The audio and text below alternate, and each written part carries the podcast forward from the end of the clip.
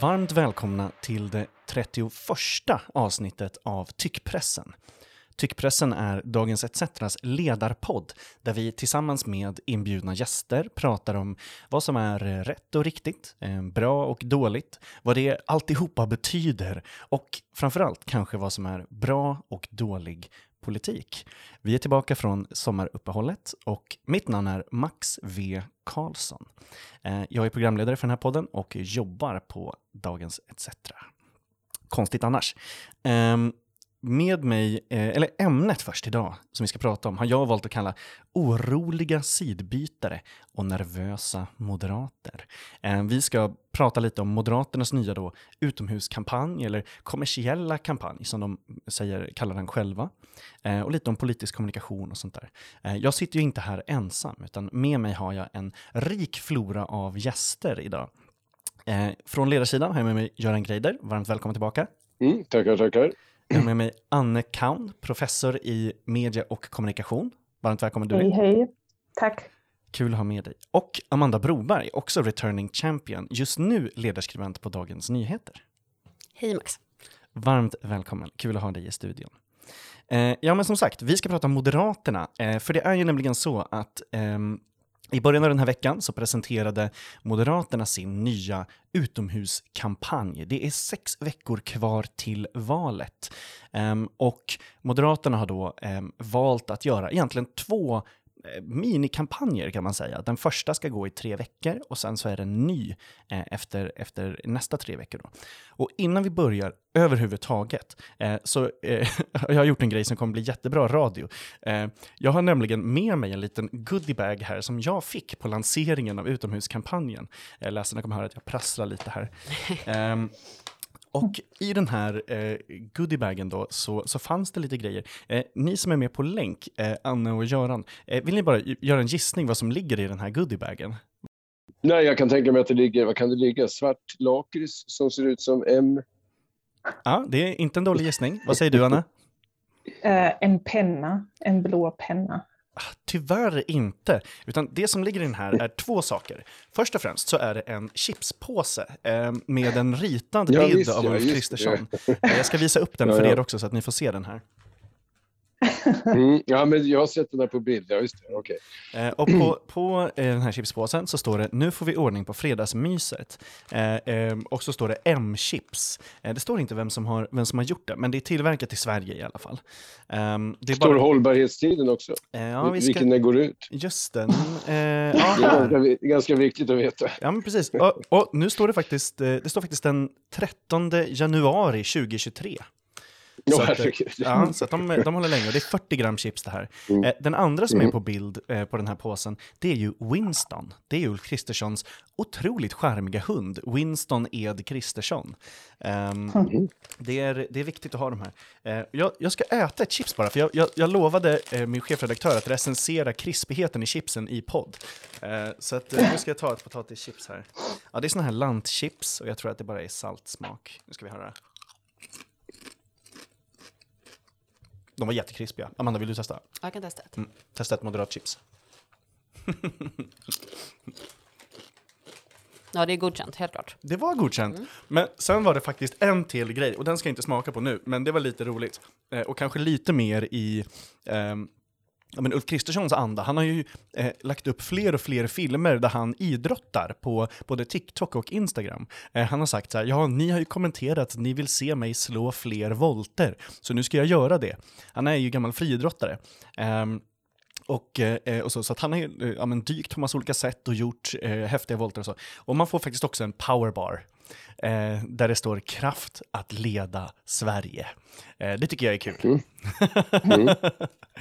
eh, ja, så det var, det var allting för den här lilla goodiebagen. Ehm, och eh, den första punkten har jag valt eh, att kalla utropstecken, frågetecken och moderater. Den här eh, nya kampanjen är bygger ja, men typiskt stort på utropstecken och, och frågetecken. Um, Amanda, om vi, om vi börjar. Du har skrivit en text om det här, men vad är de här utropstecknen och frågetecknen? Vad ska de vara för någonting? Det är väl egentligen en illustration då över att eh, man från då Kristerssons sida menar att eh, de då, eh, partierna där, SD, L, KD och M, är överens. Men i då en rad frågor som är de här olika valbudskapen så menar man att oppositionssidan då, CV, C, V, S och MP, de är inte överens och det är det som frågetecknet ska illustrera. Så det kan vara påståenden som till exempel nej till återinförd fastighetsskatt och då på den här röda sidans liksom, affisch eh, så är det ett stort frågetecken. Liksom. Um, så det, det, handlar liksom helt enkelt mycket om att illustrera uh, två sidor i svensk politik, den klassiska blockpolitiken är tillbaka och som i många valrörelser innan ska man säga så är det uh, en sida som vill utmåla den andra sidan som att de inte är överens.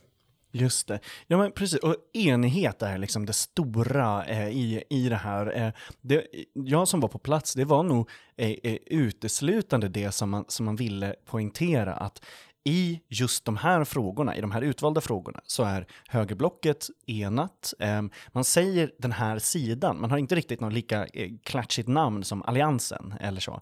Ehm, men man säger vår sida är överens. Och så säger man de rödgröna är inte det. Ehm, man säger, eh, faktiskt ger lite cred till sossarna och säger att ja, men de har fått med sig rätt mycket folk och, och sådär.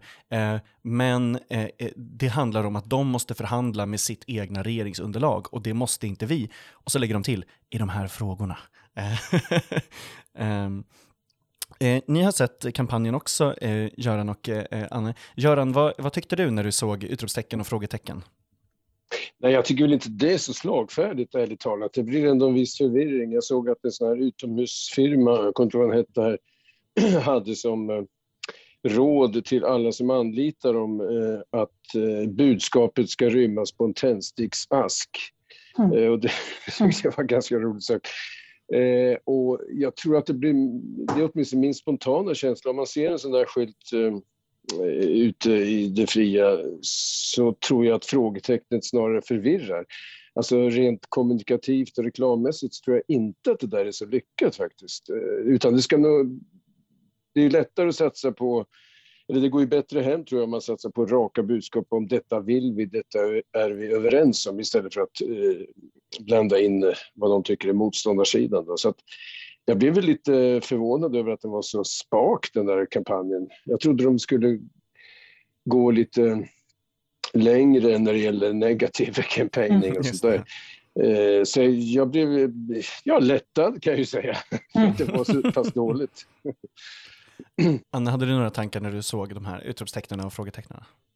Jo, nej men mitt första tanke var att det påminner om när man går till optikern. Alltså att det är sådana... Just det. Man ska ja, ja. läsa det är S, det är C, det är D, det är MP, typ så. Uh, hur är min, mina ögon? Så sen, jag håller med, det är lite... Ja, vad, vad, hur ska man tolka det? Hur kan man förstå det egentligen? Det är lite sparsamt, eller hur ska man säga? Så jag hade också förväntat mig lite lite mer. Men jag tror också att det kanske i och med, vi kanske kommer att prata om också om olika format och valaffischer och så, att det ju också kanske finns en möjlighet med elektroniska medier, elektroniska valaffischer att testa lite och se hur det funkar och sen kanske anpassa och så. Och sådana här är ju väldigt lätt att göra och förändra under valrörelsen också.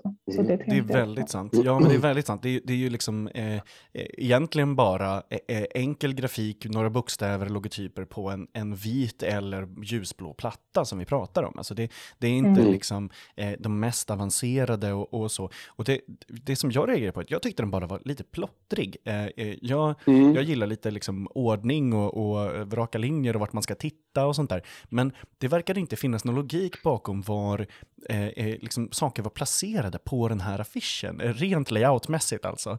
Um, ja, eh, eh, och sen så funderade jag på då, liksom, om, om det här med att, att sätta ett frågetecken, så här, att ställa frågan, är de inte överens om det här? Kändes mm. också lite svagt istället för att säga.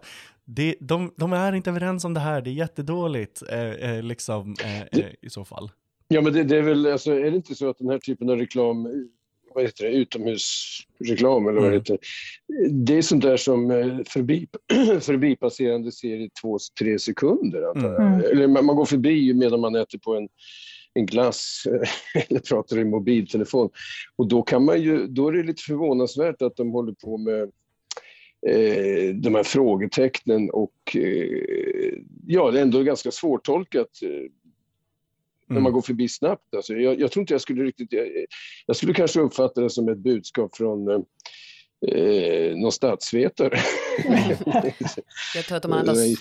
Ja, om man ska försöka tolka frågetecknen, för jag håller med om att det här är, framförallt så är de här frågetecknen väldigt stora liksom. Ja. Så det är ju mycket de som hamnar i centrum. Men jag tror att det som man från moderat håll vill signalera är ju, det är ju svårt att säga, de kommer att återinföra fastighetsskatten, punkt. Med tanke på att till exempel Socialdemokraterna faktiskt på centralt plan i alla fall motsätter sig det.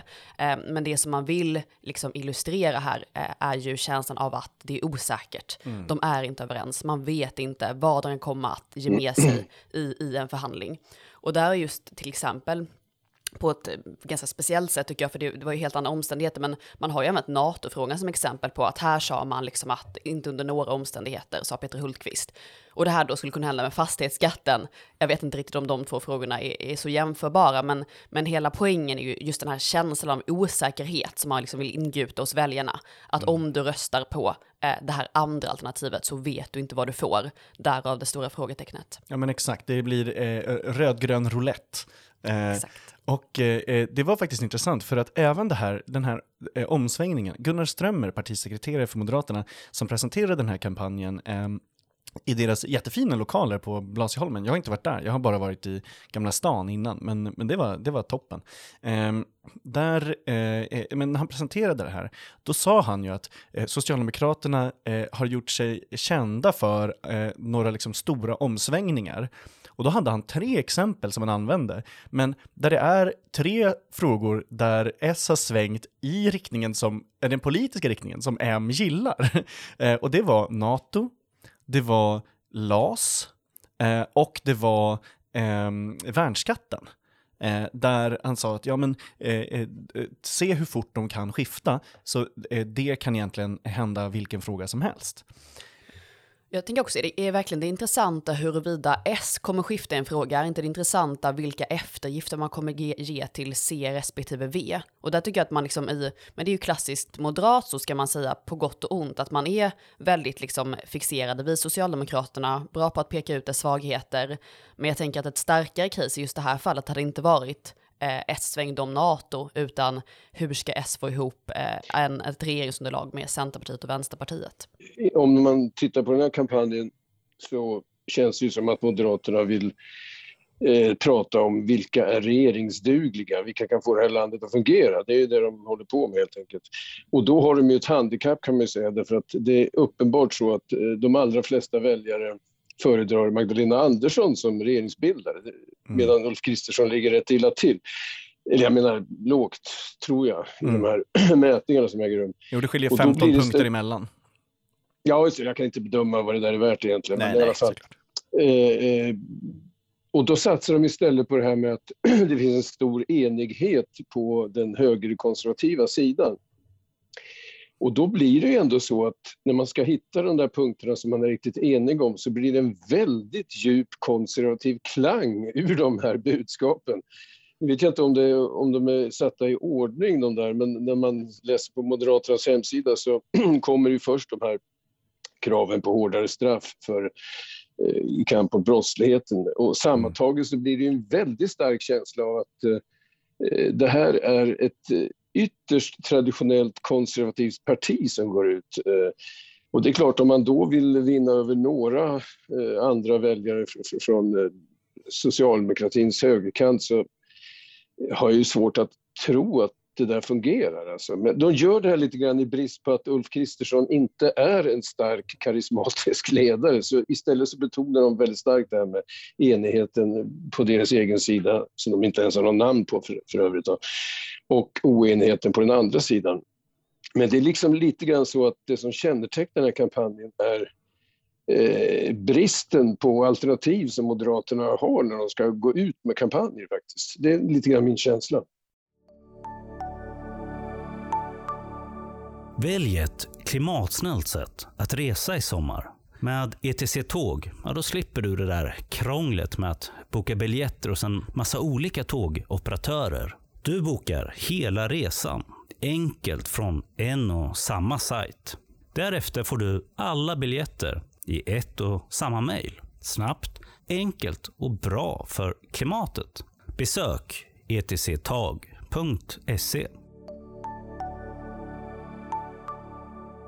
Amanda, i din, i din ledare så, så skriver du ju då att eh, det verkar som att eh, kampanjen går ut på att skrämma över väljare till deras sida av blockgränsen. Eh, vilka är det man vill liksom skrämma? Eh, och eh, sen kommer vi prata om om vi tror att det kommer funka eller inte. ja, precis. Eh, det är lite tillspetsad formulering såklart, men, men poängen är ju att många av de här budskapen i kampanjen, allt från då återinförd fastighetsskatt, är någonting man lite vill skrämmas med, för det är väldigt många som inte vill se det då.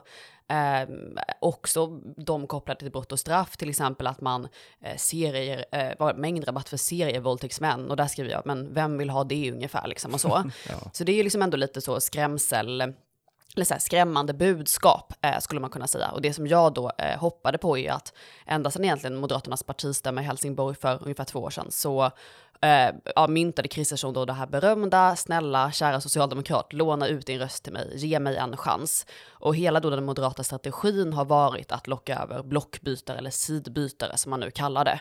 Eh, skrevs en artikel av Lina Lund eh, som är reporter på DN som kom för ungefär ett halvår sedan där Moderaterna pratar om just de här väljarna som det som allt står och faller med, vilket ju ändå illustrerar då hur viktigt, hur viktiga de här blockbytarna, potentiella blockbytarna kommer vara för en eventuell eh, högerborgerlig majoritet i riksdagen.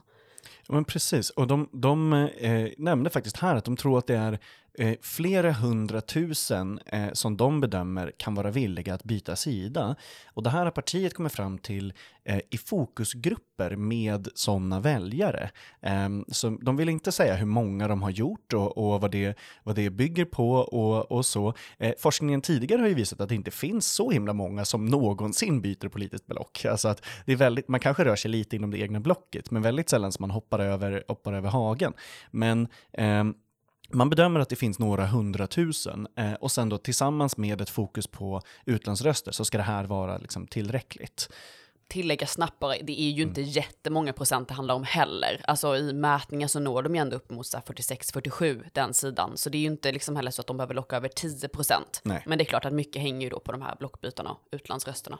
Ja men precis. Och Gunnar Strömmer var också lite nostalgisk för att han sa att eh, tydligen så var det så i förra valet att eh, man missade ett mandat på Gotland med bara typ 200 röster eller någonting. Och där det hade varit ett riksdagsmandat då, eh, där Eh, eh, då hade ju eh, majoriteten sett annorlunda ut eftersom majoriteten i riksdagen just nu är 174-175. Eh, så jämnt som det bara kan vara. Så man svor lite över de här missade rösterna på Gotland. Jag tyckte det var lite roligt.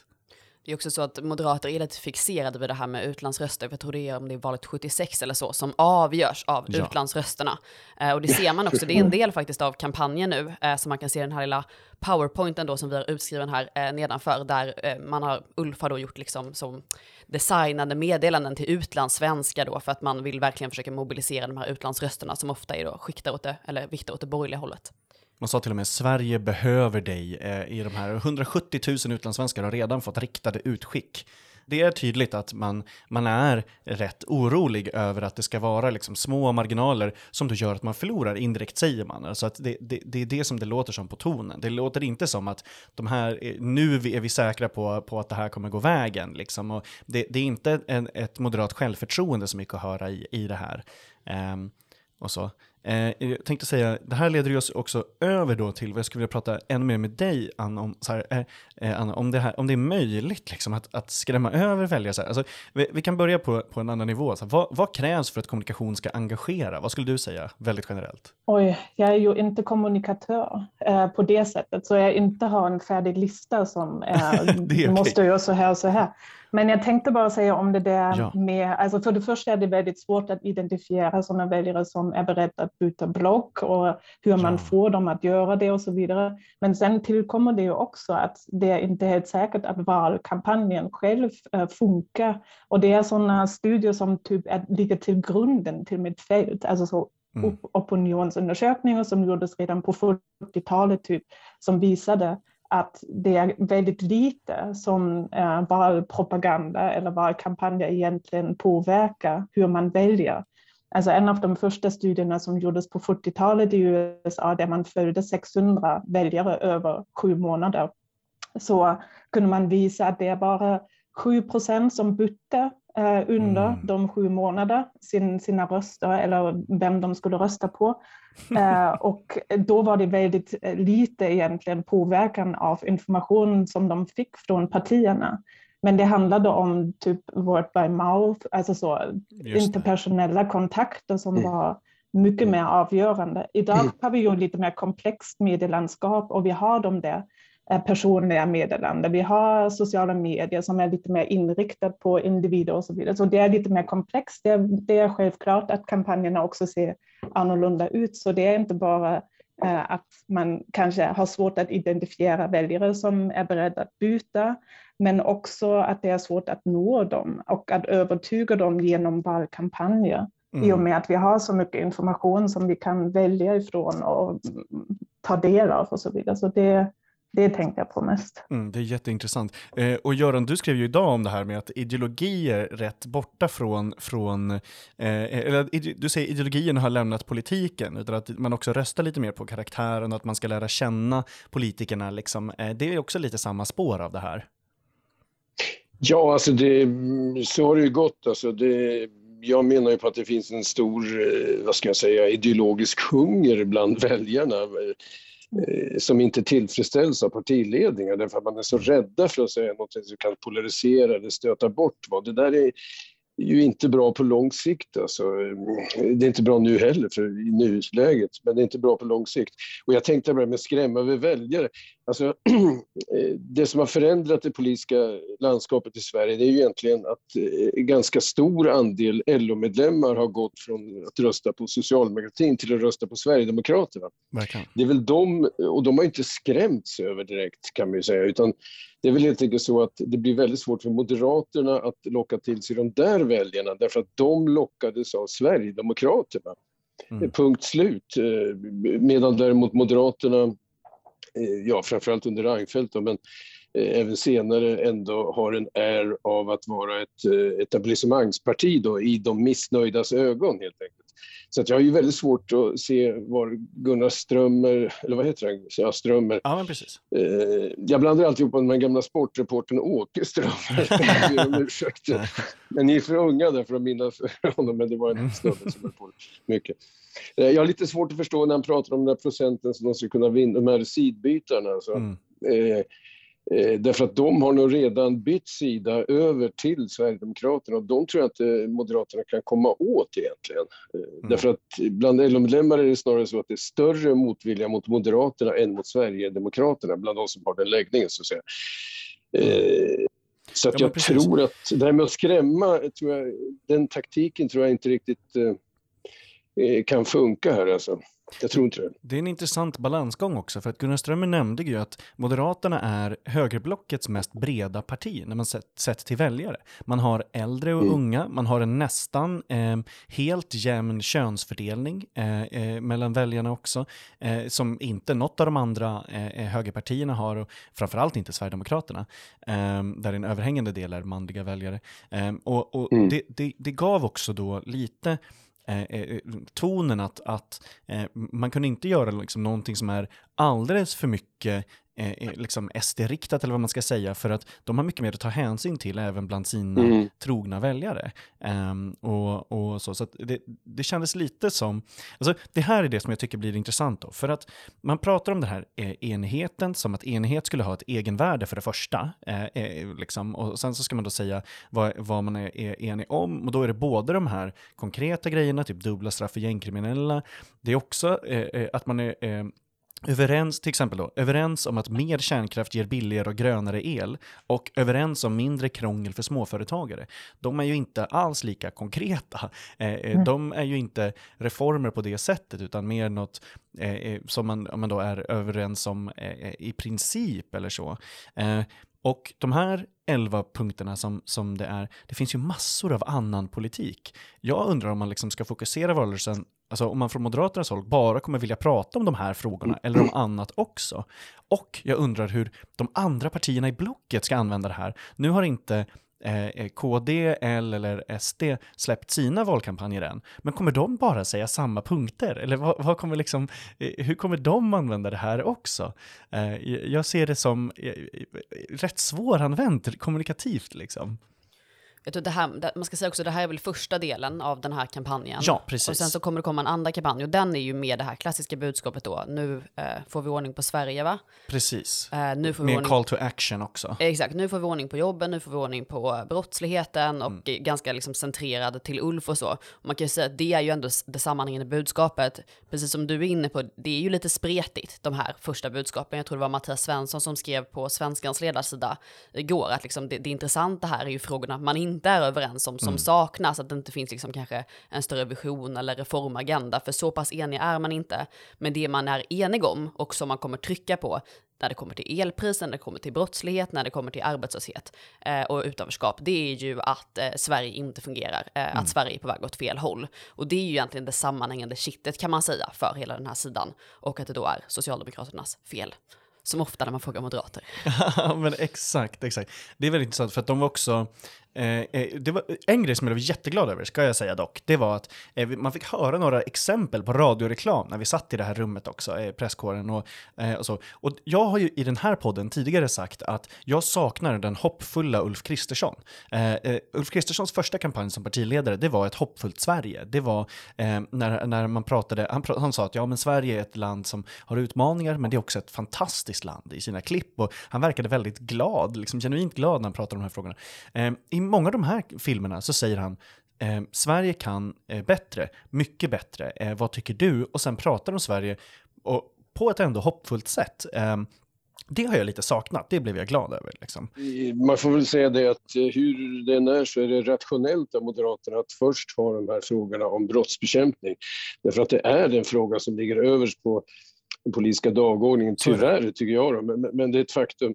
Eh, och det är också den frågan som när man är ute på gatan eller i byar eller någonting eh, så är det ju ofta den frågan som dyker upp väldigt spontant. Och dessutom har den där frågan är väldigt medvind från medierna för att det är nästan det enda man rapporterar om. Mm. Eh, på kvällarna när man ser Aktuellt eller Rapport så är det liksom en, ett långt pärlband av våldsdåd tycker jag rätt ofta. Man är ganska fixerad vid det där. Så att de är rationella när de tar upp det där därför att de vet detta att det är väldigt svårt att hantera de där frågorna för framförallt Socialdemokraterna, men även rödgröna i stort. Då. Mm. Eh, vad de rödgröna än säger i dessa frågor så, så kommer SD och M att kunna bjuda över det. Det finns ingen chans att vinna det där. Så att de är väldigt, det är förutsägbart men det är samtidigt rationellt att faktiskt ta de där frågorna som viktiga. Eh, problemet är väl att andra frågor hela tiden vill upp till ytan och det gäller ju dels klimatfrågan men också den här, och det är de ju inne på lite grann mer och mer tycker jag, att eh, inflationen och ekonomiska problemen ökar och när de ökar då blir det ju andra klassiska vänster-högerfrågor som är, kommer upp till ytan.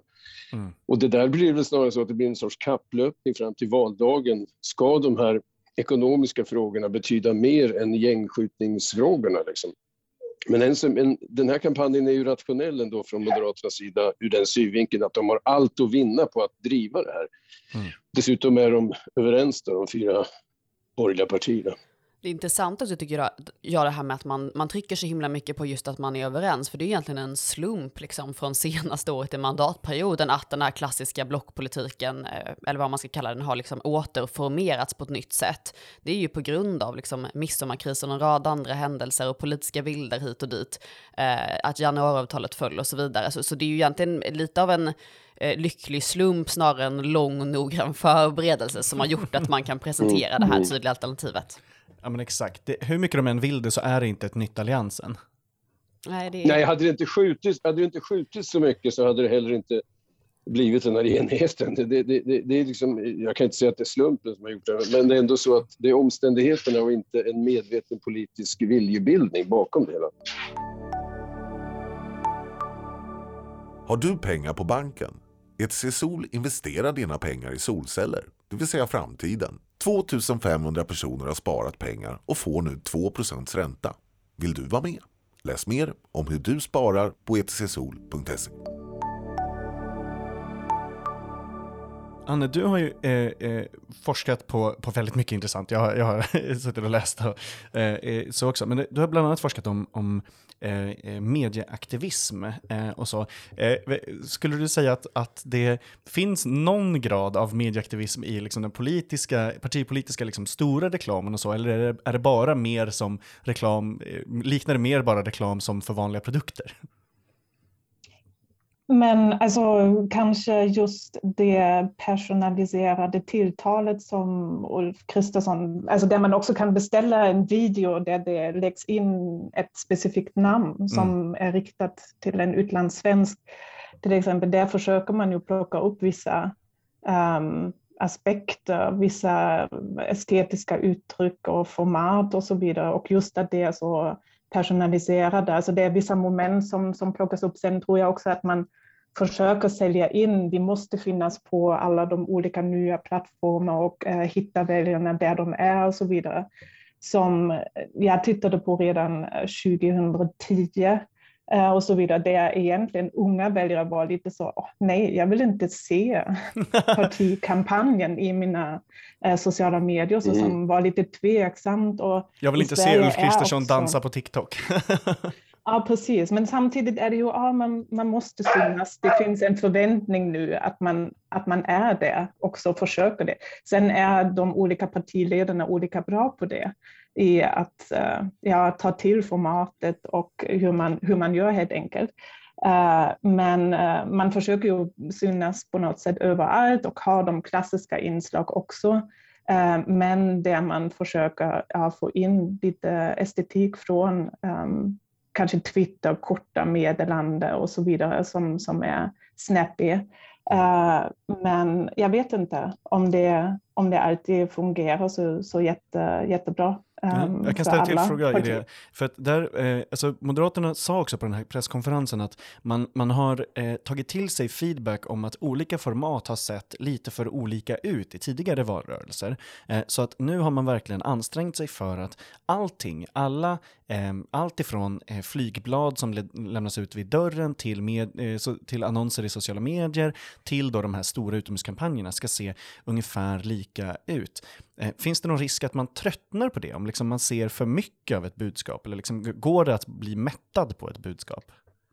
Ja, alltså det, det, det, sker ju ganska fort. Jag är till exempel utled på att höra att alla, om att alla stenar ska vändas från social, socialdemokratins sida.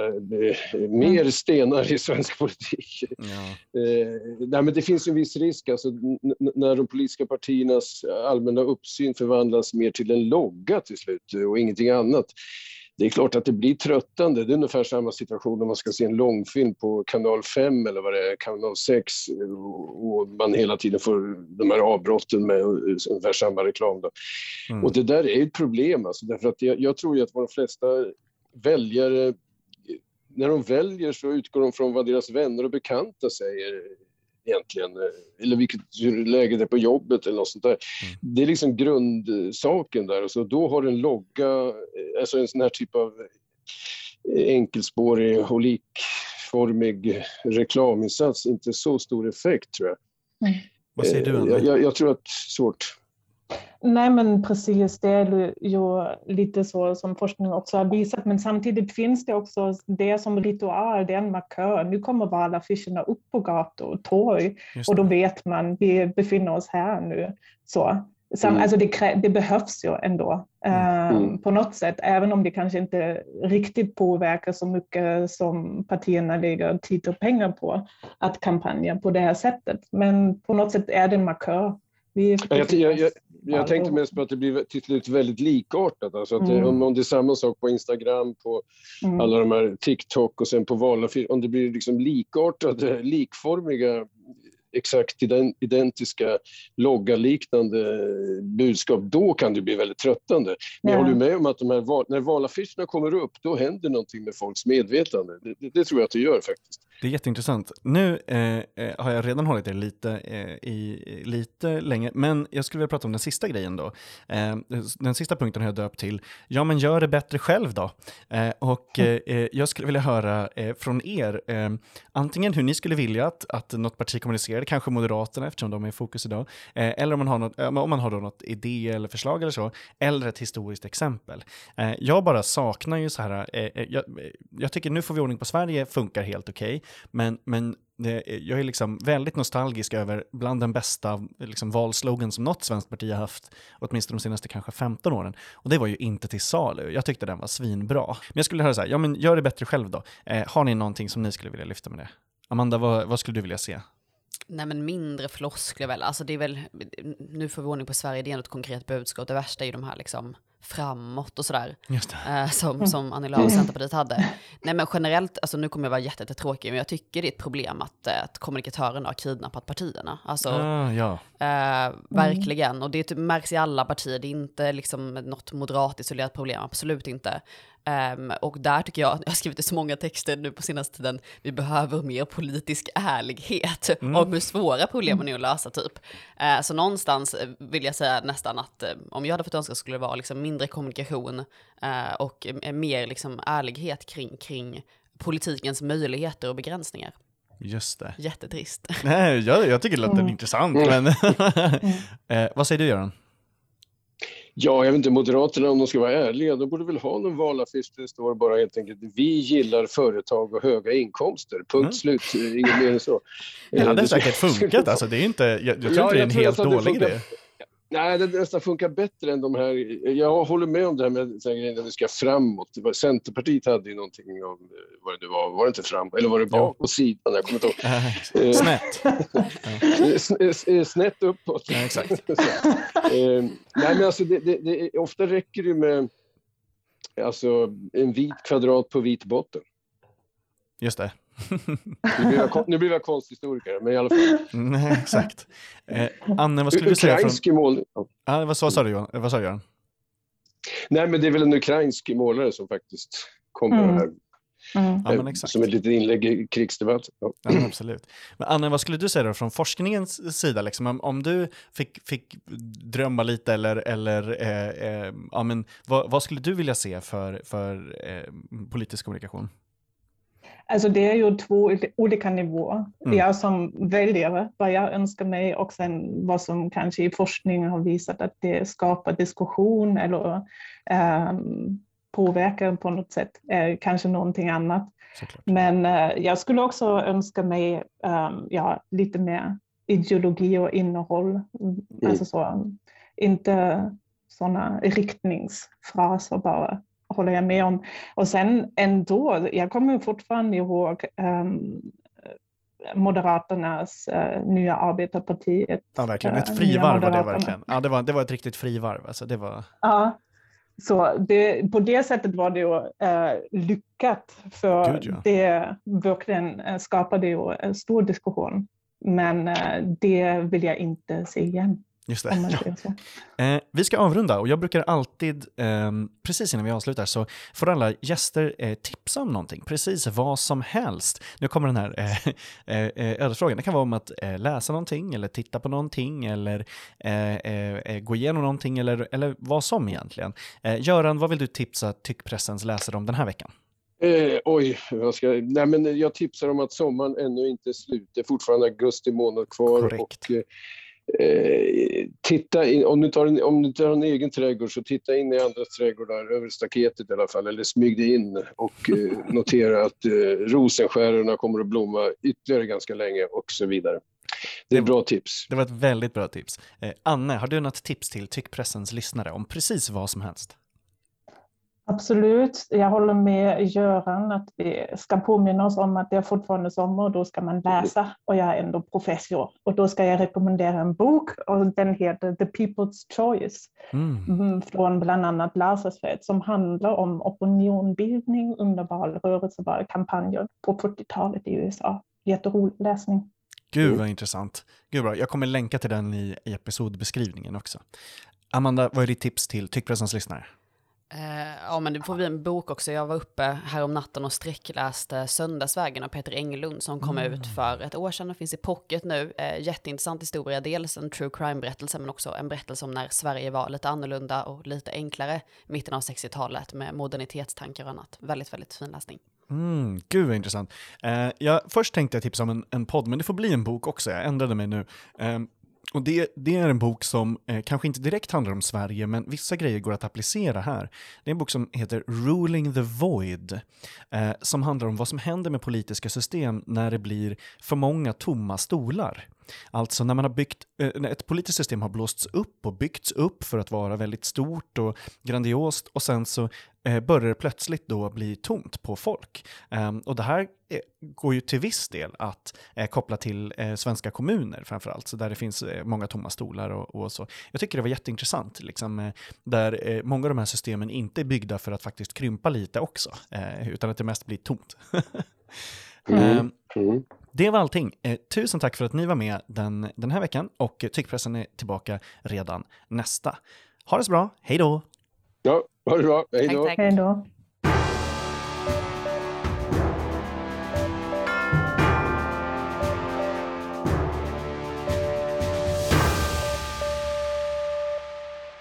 Vill du spara och samtidigt göra världen lite renare? Då har ETC tagit fram en lösning för dig. Vi har startat ETC Bygg för att få igång byggande av hyreshus utan vinstjakt, utan miljöförstöring och med lägre hyror. Spara direkt i husen till 2% ränta. Läs mer på etcbygg.se.